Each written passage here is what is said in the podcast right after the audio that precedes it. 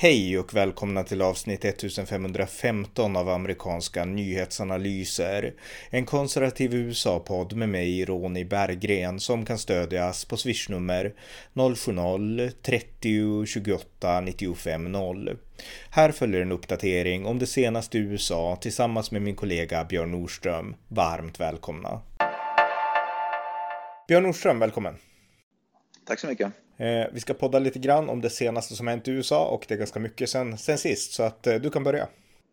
Ja, det är faktiskt en intressant grej som håller på att hända nu som jag tror kommer att tyvärr kunna leda till en större konflikt mellan USA och Ryssland.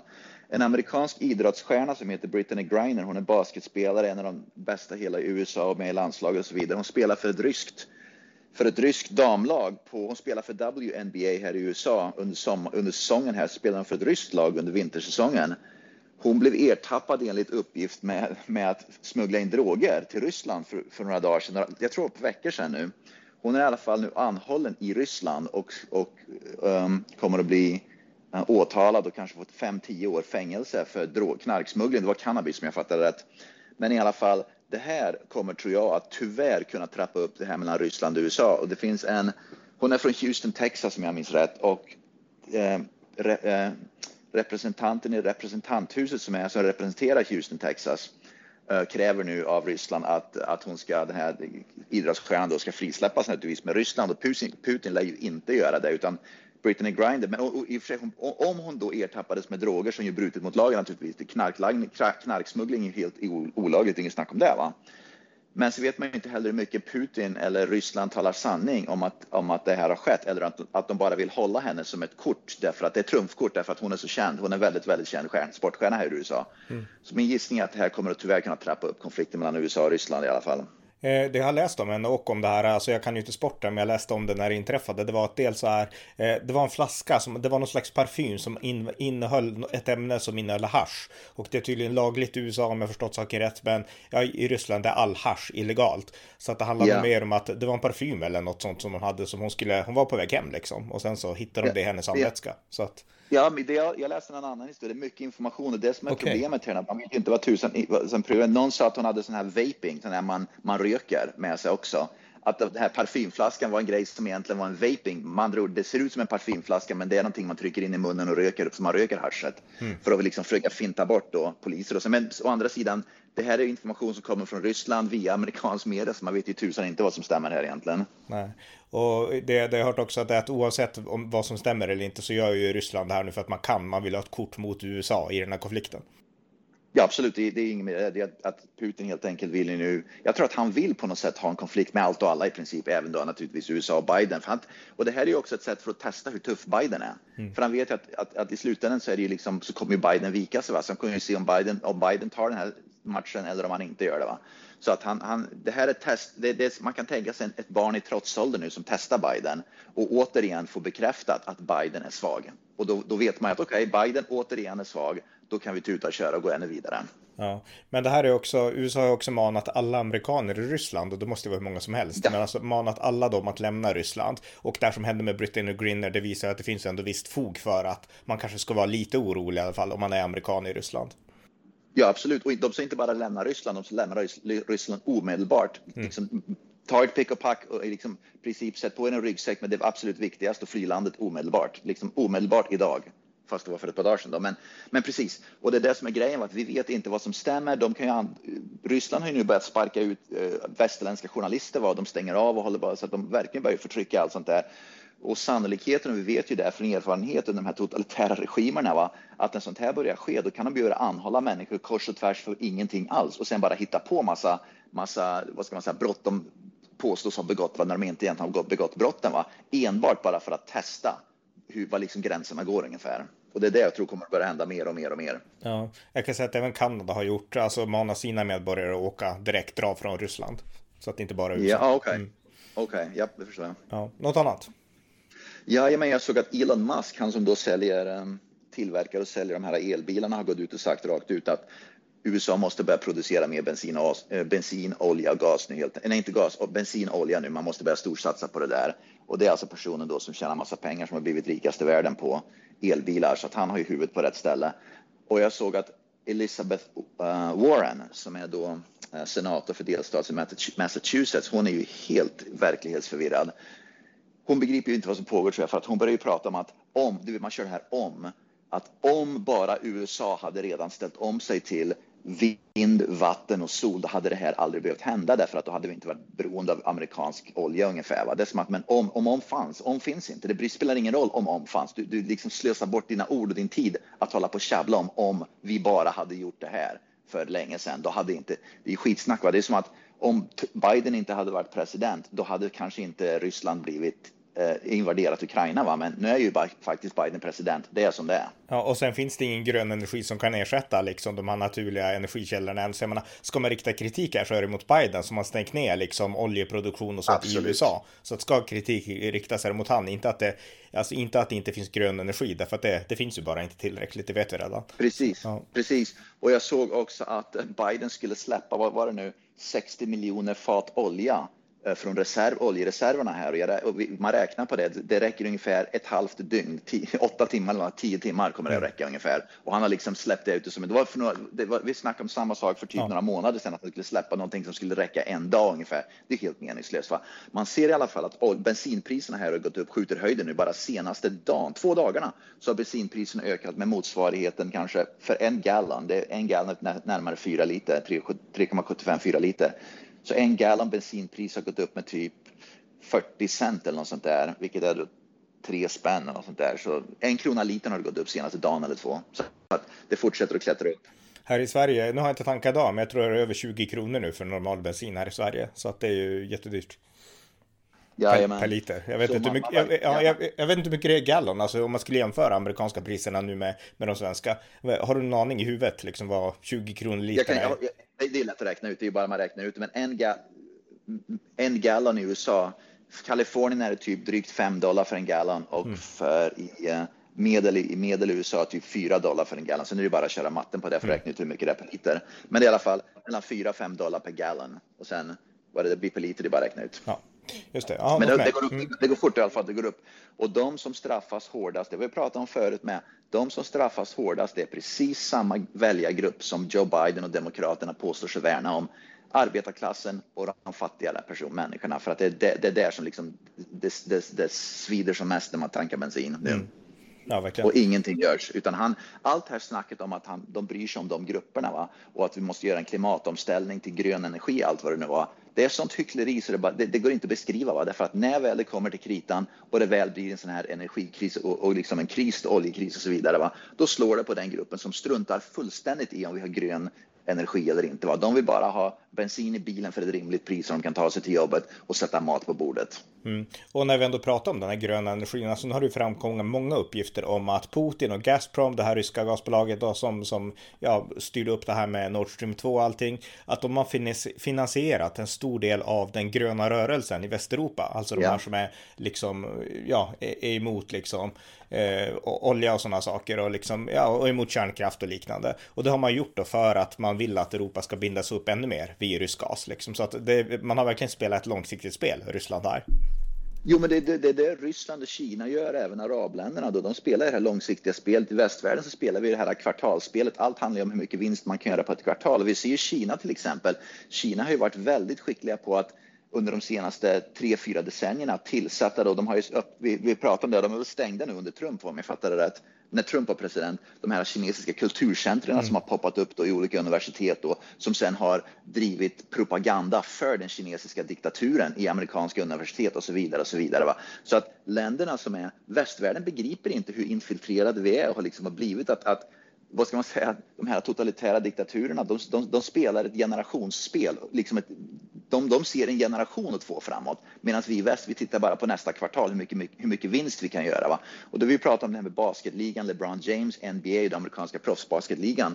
Att istället för att de begriper att de håller på att bli totalt övertagna infiltrerade av kinesiska militärdiktaturen så tittar de bara på hur mycket pengar kan vi få in under nästa år mm. av genom tv-kontrakt med samma militärdiktatur. Va? Det, det helt, det, och det visar sig, det kommer att straffa västvärlden mer och mer och mer och mer. Mm, och det är sånt här som vi behöver politiker som kan se igenom och sätta stopp och liksom förklara på ett övergripande plan för idrottsrörelsen och för liksom civilsamhället att det här är kanaler, inte de här, de här totalitära regimerna. Det blir liksom, ja, det, det, blir liksom kedjor på halsen som, som är farliga. Och jag menar, en som såg igenom det här, det var ju Donald Trump. Jag tror vi har pratat om det här förut, men han satt ju på ett yeah. möte 2018 eh, i, ja, bland annat med, med Angela Merkel, Tysklands då, dåvarande förbundskansler. Och så sa han att det här är ju liksom, den här gasledningen, det är ju trams liksom. Ni pratar om att vi ska skydda er, men ni bygger en gasledning till Ryssland liksom. Och sen tog han fram en, en sån här, vad heter det, servett från bordet, en vit servett och sa här har du en vit flagg, när ryssarna kommer kan du vifta med den.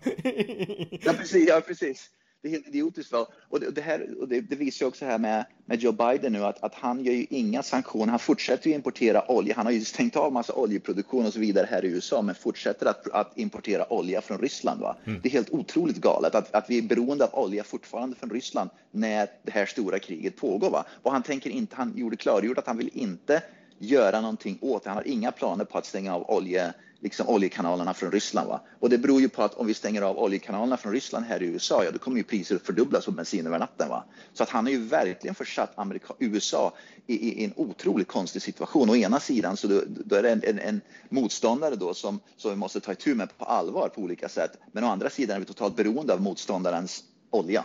Helt ja. brutalt. Va? När vi själva, när Trump bara ett, år, ett par år tidigare va, hade sett till att USA var eh, självförsörjande på, på energi, inklusive olja och bensin och en exportör, en nettoexportör av energi, olja och bensin och sånt där. Nej, nej, men det visar ju det, dels att jag menar vad Biden borde göra, det är att starta de egna liksom amerikanska oljekranarna och naturgas och allt vad det är. Men också att inse att han måste göra upp med vänsterfalangen i det demokratiska partiet. Ja. För de är säkert också, kanske inte direkt finansierade av Ryssland, men de har köpt de här budskapen som Ryssland har pumpat ut i västra Europa i alla fall. Så att om liksom att nu måste vi ställa om snabbt och liksom vi, må, vi behöver inte tänka på något annat än en grön omställning. Han måste göra upp med den falangen i sitt eget parti, konfrontera dem Biden. Ja, och det ska bli oerhört intressant nu. Det här är ju det amerikanska mellanårsvalet nu i höst kommer bli otroligt intressant. Om inte republikanerna tar tillbaka kongressen, då vet jag inte tusan vad som krävs för att det ska ske. Då är, då är det nästan land USA kört. Alltså det känns som att då är det nästan som i Sverige, va? då är det kört därför att det här liksom, vi har ju pratat förut med innan då kriget drog igång att, att, att liksom, Republikanerna har blivit serverade på ett silverfat, guldfat då, valet 2022. Nu är det ju ännu mer bevisat så att, att vänsterns och Bidens och demokraternas politik är ju fruktansvärt usel för hela USA. Va? Oavsett vem du är, rik som fattig, mm. den är usel helt enkelt. Va? Och det, den ser bara ännu sämre ut. Va? Så att Republikanerna borde ta tillbaka kongressen med enkelhet kan man tycka. Och på tal om det, jag kan säga en sak också. Alltså gällande mellanårsvalen då så har det hållits primärval i Texas den första mars bara för några dagar sedan.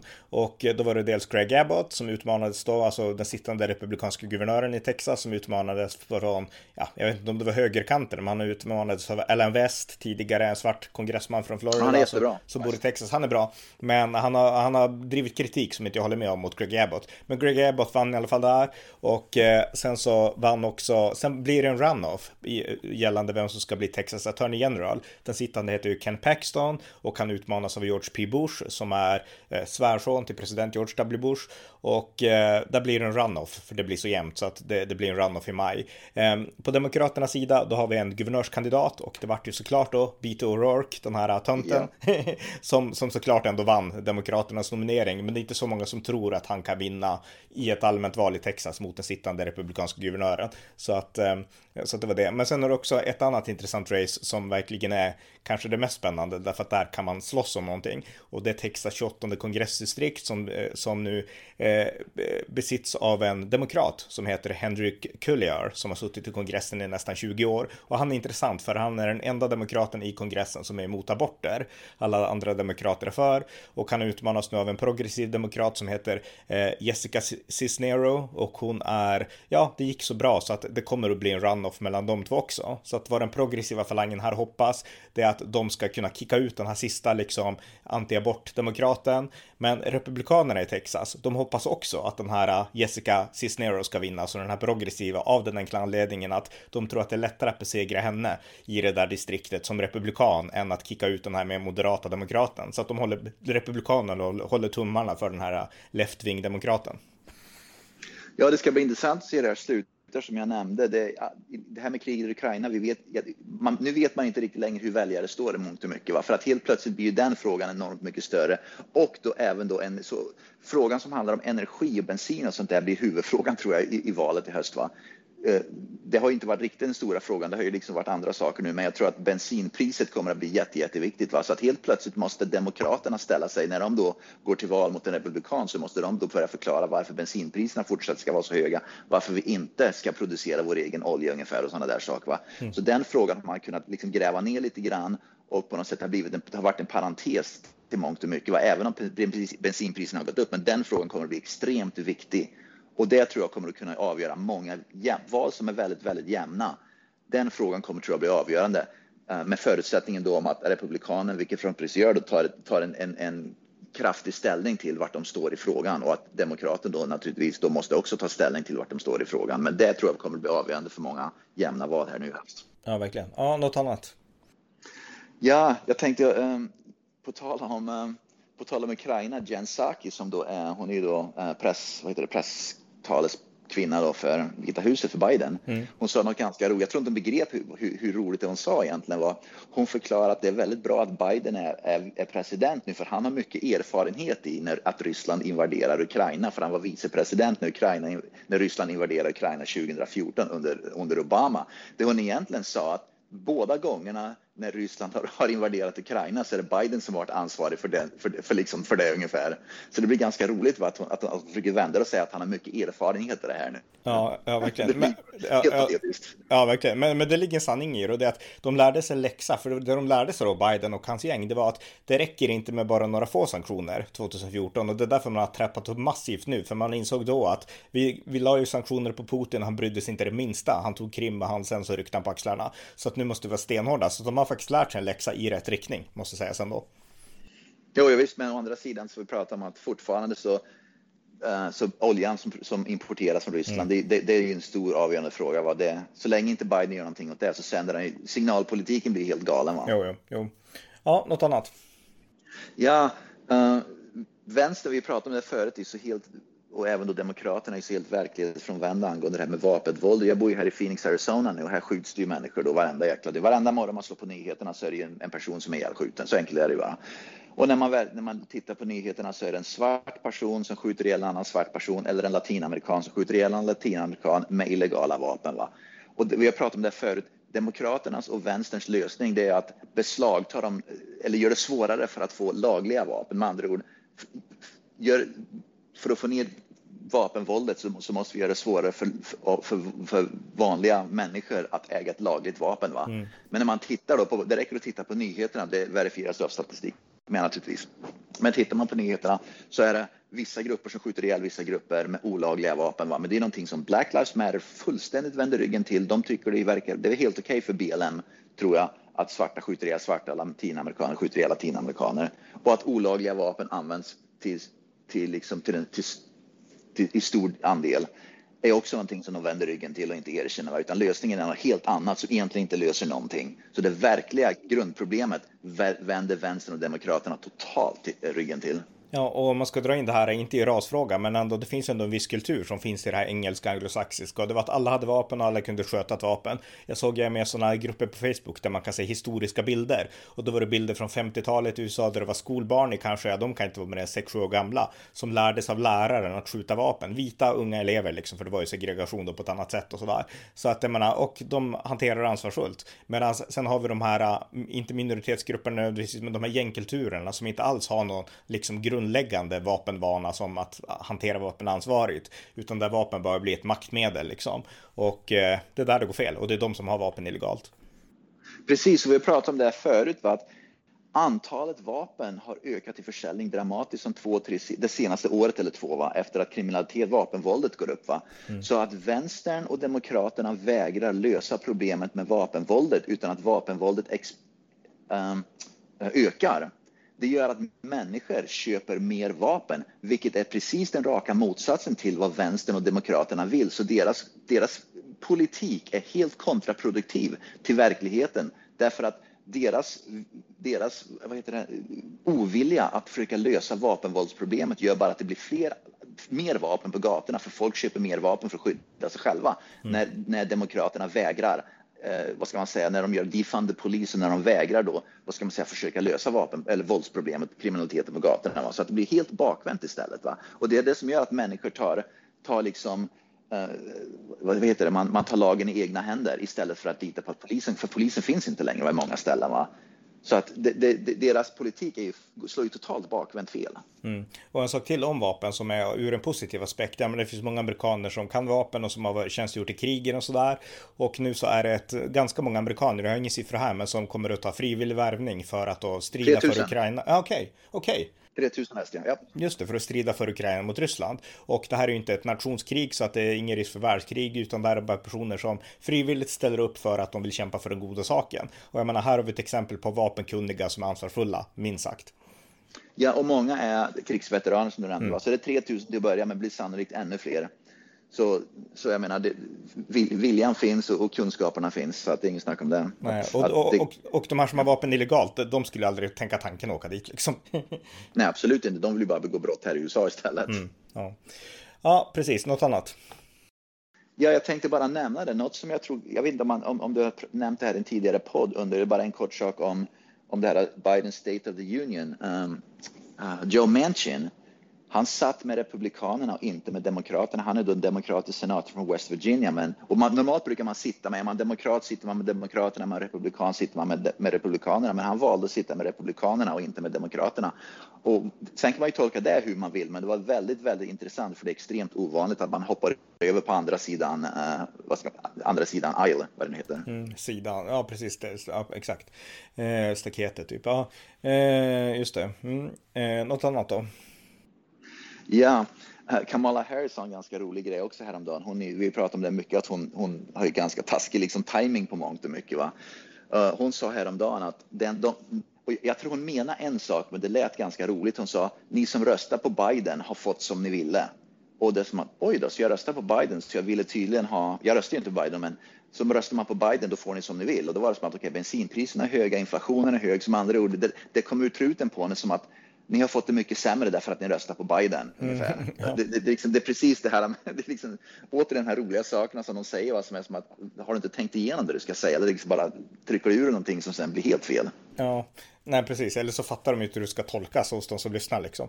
Så att, eh. Yeah. En, en, sak till om Trump också som jag kan säga, jag glömde det tidigare, det var att han har också sagt då att eh, i alla fall så rapporteras det att han har gjort det, det finns inga tydliga bevis utan det är, det är han själv som har sagt att han har sagt så. Men att han i ett samtal sa till, till Putin att om du invaderar och då tror man att Trump åsyftade Ukraina, han sa inte det ordet då, men om du invaderar Ukraina, Vladimir, då kommer vi slå till mot Moskva, sa Trump. Och det här är någonting som Trump-anhängare ja, det är något som Trump-anhängare använder nu för att liksom visa att om Trump hade varit president så hade det inte skett. Och eh, ja, det, det ligger något i det. Sen vet vi inte exakt om det här är, för det är Trump själv som har sagt att han sagt så här. Så att om det är en överdrift eller inte, men det, det, går att föreställa sig ändå att han, att han skulle kunna sagt något sånt. Det går inte att föreställa sig att Biden skulle kunna säga så. Jag, jag, jag skulle inte bli skvatt, jag har, jag har, ingen information om det, men jag är inte skvatt förvånad om han hade sagt och det, sånt där också. Det är det som jag tror gör att han, att, att det inte skedde under hans tid. För, för, all, för, för vi pratade om det, att ingen visste riktigt om vad Trump skulle kunna göra. Var det Iran som attackerade en båt eller en amerikansk krigsskepp? Han gjorde ingenting. Och sen så smällde han på något annat. Det ingen, han var ganska oberäknad. Man vet inte vad han skulle göra. Jag tror att Putin fruktade lite grann. Han visste inte att, att om, om, om Putin gjorde någonting, då kanske Trump skulle droppa en atombomb ungefär på Moskva. Liksom att sannolikheten fanns ändå att han skulle göra något sånt där. Så... han var tillräckligt rädd för att göra någonting för att han insåg att risken finns. Ja, och sen fanns det, det finns det där coola klippet också, eller roliga klippet när Trump träffar Putin och så tar han tag, skakar hand med Putin och så drar han Putin mot sig så här som man gör om man är den starka killen liksom. Alltså, har du sett det? Det är skitkul. Ja, jag tror jag har gjort det för ett tag sedan, ja. Ja, ja, ja. ja eh, okej, okay, något mer? Winston Sears, hon är ju den nya, uh, vad heter det? Lieutenant Governor. Precis, i Virginia, den här svarta invandrarkvinnan som är republikan och stentuff. Och det är kul att hon har börjat liksom göra uttalanden nu mer officiellt och framförallt går hon efter Biden kraftigt. Så hon sa bara för ett par dagar sedan att hon är förbaskad på Biden därför att Biden, han, han, han uh, hon sa gör, fixa det du har kontroll över. Med andra ord, du har kontroll över amerikansk oljeproduktion, inte över det som sker på andra sidan, liksom i Europa ungefär. Va? Så fixa det som du har kontroll över omedelbart, för det är det som vi kan göra någonting åt på hemmaplan direkt. Mm. Så att hon har verkligen huvud på skaft och också börjar bli en och det, det, är väldigt bra att hon börjar bli en, uh, vad ska man säga, en, en även om hon då är, är, jobbar för Virginia så är hon mer och mer en, en, en, tror jag, kommer att bli mer och mer av en nationell politiker. Så jag blir inte helt förvånad om hon skulle bli en slags, uh, om hon skulle hamna i senaten eller kongressen i framtiden. Mm. Nej, nej, visst, nej, hon är karismatisk och liksom hon vågar säga det hon tycker så att ja. Eh, ja, eh, har du något annat? Ja, en grej till jag såg att tydligen så Kina, jag vet det här är bara rapport som kom ut, men Kina hade tydligen, bad tydligen Putin om att under OS som var i Kina då för någon månad sedan så, skulle, så bad de Putin att inte invadera Ukraina under den, under den tiden var tydligen så enligt rapporter så väntade Putin med att invadera tills OS var över. Hmm. Och det säger en hel del om deras relation. Verkligen. Ja, ja precis. Ja, jag har inget mer. Har du något annat? Ja, sista grejen. Demokratiska socialister här i USA skyller amerikansk eh, imperialism på att, att, USA, att, att Ryssland invaderar Ukraina. Med andra ord, socialistiska partiet här i USA, det finns även ett sånt faktiskt, eh, skyller på USA att det är USAs fel att Putin invaderar Ukraina. Så. Ja där sitter vi idag. De stödjer ju Ryssland naturligtvis. Ja, och det, men en sak som illa med det, det jag, kan, jag kan avsluta med det då. Jag gjorde en podd häromdagen om att det finns ju de här liksom Putin-välvilliga rösterna även inom amerikansk höger som har exakt samma retorik som vänstern. Eh, Tucker Carlson har tagit till sig lite av det här, Candace Owens lite grann och eh, det finns en del namn nu på högerkanten som, och de gör det därför att de är emot krig. De vill absolut inte ha ett krig och de yeah. menar om att det här som sker nu det är bara liksom hets, liksom amerikansk krigshets. Och det är ju såklart en väldigt grundlig analys därför att Putin bryr sig inte om liksom amerikansk media utan han gör det han gör i alla fall liksom. Men det missar Precis. de i sin liksom nitiskhet att liksom ja, förhindra USA att gå in i tredje världskrig ungefär. Och, och det, kanske, yeah. det kanske är sunt av dem att inte vilja gå in i krig, men det är ingen bra analys av Putin och det som sker. Det, oavsett så finns det, det liksom vill Putin ha krig så blir det krig. Det finns ingenting som media kan göra åt det, utan han Putin har bestämt sig och sen är det bara att infinna sig i den verkligheten. Ja. Mm. Ja, men en, sak ja, yes. mm. en sak vill jag bara nämna, på tal om den här nya HD-nomineringen, det här visar skillnaden på Demokraterna och Republikanerna. Den nya HD-nomineringen som Biden nominerar, Ketanji uh, Brown Jackson tror jag han heter, om jag rätt. Uh, man ser verkligen, om du kommer ihåg när Trump nominerade då uh, Neil Gorsuch, Brett Kavanaugh och Amy Cohen Barron, oh, God, nu tappade jag namnet på henne bara helt plötsligt. Uh, den, den här senaste då, som Ja, Amy, Amy Coney Barrett. Mm -hmm. Precis. Uh, att Demokraterna var omedelbart de anklagar dem där för att vara Hitler, de är, det är de värsta, de är fruktansvärda, hemska människor, de vill inte ha någonting. De var extremt negativa omedelbart. Men man såg nu att Republikanerna har mycket mer klass och moral. Uh, jag tror det bara var Marsha Blackburn som, har, som uttalade sig omedelbart och sa att, att, att den här eh, Bidens nominering var en, en vänsteraktivist ungefär. Men alla andra som jag har hört från senaten och från republikan, republikansk sida har gått ut och sagt att vi ser fram emot att träffa henne och prata med henne och lära känna henne och se vem det är. Med andra ord, de, de, de öppnar upp för tanken att hon kanske är en bra, en bra HD-domare. Till skillnad från Demokraterna som i princip alla demokrater omedelbart sa de är jättedåliga, Trumps nominerade är jättedåliga, de är värre än Hitler. Så man ser verkligen att det är en klasskillnad på beteenden mellan Demokraterna och Republikanerna. Demokraterna omedelbart stängde sig helt för att för att ens vilja prata med nomineringarna. Republikanerna öppnade upp sig och, och var positiva till att vi ska, det ska bli intressant att träffa henne. Ungefär. Och det, man ser, det är verkligen skillnad på beteenden. Verkligen skillnad och det är intressant med tanke, just på, med tanke på att Kentanji Brown Jackson, hon verkar av allt att döma vara en liksom riktig liberal aktivist. Så att det finns goda skäl för republikanerna att vara otrevliga, ändå är de respektfulla. Så att... Eh, Precis. Och det som vi ser också det är att att, att det här hyckleriet, att det är demokraterna som anklagar republikaner och konservativa för att vara intoleranta och så vidare. Va? Medan mm. de själva, demokraterna, är de som är totalt intoleranta och stängda till liksom att inte vara öppna för perspektiv och, och, och, lära känna en person. Nej, nej visst. Ja, eh, ja, men det var allt jag hade. Jag kan ställa en sista fråga, det är bara lite kul, men jag har hört att de ställer den på Fox News till olika gäster och då frågar de, tror du, säger de till alla experter de pratar med, att Putin någonsin kommer få besöka USA igen? vad, vad, tror du? nej, det tror jag inte. Det tror jag inte. nej, nej, precis. Ja, men okej, tack så mycket. Tack så mycket. Det var avsnitt 1515 av amerikanska nyhetsanalyser. En podcast som kan stödjas på swishnummer 070-30 28 95 0 eller via hemsidan på Paypal, Patreon eller bankkonto. Det var allt för den här gången. Tack för att ni har lyssnat.